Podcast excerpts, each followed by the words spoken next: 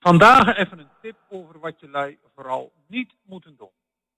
Ja, ja, ik snap het. Als je tegen iemand zeggen dat hij niet aan een roze, roze olifant moet denken, ja, dan krijgt hij dat beest niet tussen zijn vanzelf. En als ik jullie vraag om vandaag de iedere dag niet aan de melodie van de lichtstad te denken, ja, dan lopen we vanmiddag allemaal hetzelfde te fluiten. Toch geef ik jullie een tip over wat jullie niet moeten doen. Komt-ie. Voor geen lid van Twitter.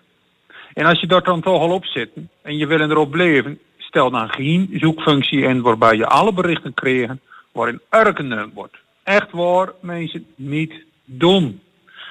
Man, man, wat een bagger. Ken je daar Riekelt? Van uh, maak u zelf niet vies, bel Riekelt de Vries. Nou, ik durf te wedden dat Riekelt in een week minder drek en ongerechtigheid tegenkomt als een twitteraar die een alle uurtje op erg zoekt. Dus, nou, nou, weet je wat? Ik zal een paar voorbeelden geven. Dan hebben jullie een klein beetje een idee van een soort bagger waarover ik het heb. Zonder dat jullie dan zelf hoeven te kiezen.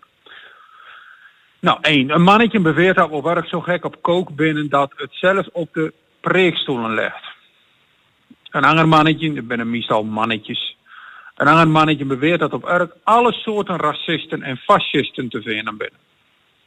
Nou, nog een mannetje, een Brabants mannetje. Die zegt dat broers en zussen dag op Urk over negen maanden een gebeurtegolf gaat opleveren. Nou. Vroeger, nog niet eens zo heel lang geleden, dan was dit een soort mensen dat op verjaardagen ineens uit het niks een totaal misplooste grap maken. En dan was het even ongemakkelijk stille en dan ging de gastheer gang in de weer met balletjes gak. En dan zei hij naar de tegen de vrouwen. Dit was de laatste keer dat we met Jan uit de Vroeger, nog niet eens zo lang geleden, dan zijn er mensen niet alles wat ze dachten.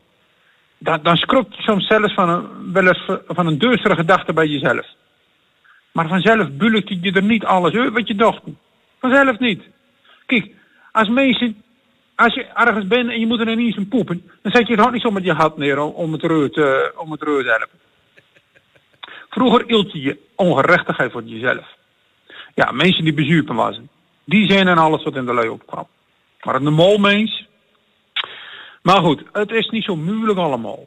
Die mannetjes met de luiers beledigingen en verkeerde grappen. Die hebben zelden maar zonder volgers. En de volgers deze eeuw, dat zijn andere vervelende mannetjes. Niks los. Laat lekker gewoon zou je zeggen. Alleen wat gebeurt er?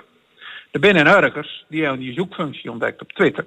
En die sporen dit soort portretten op. En die gaan ze toespreken. Dan is er van, uh, lekker stoer hoor. Of durf je wel.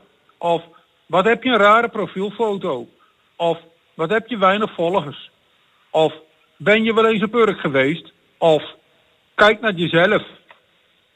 En nog nooit uit zo'n mannetje dan ineens zegt. Ach, oh ja, sorry, wat stom van me. Nee, wat denk je lui? Die vinden dit prachtig. Aandacht. Vroeger werden ze met de lui rare grappen niet maar op visiezeuden nodig. En nu zitten ze gezellig de hele avond met een kamer vol urkers te krozen.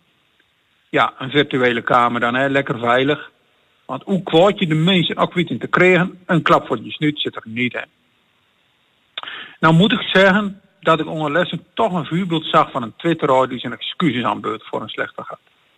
Het was een uh, sportjournalist, meen ik, die Urk verwarkte in een, ja, gewoon een foute grap. Een Urker volger reageerde gewoon, rustig, netjes. En de journalist meteen, o ja, sorry. Tweet verwijderd, klaar. Maar dan hebben we dus over een normaal denkend mens met enig niveau. Net zoals iedereen wel ervan zegt waarof hij later speelt van het. Maar zulke mensen zijn helaas steeds zeldzamer aan het worden in een riool dat Twitter heet.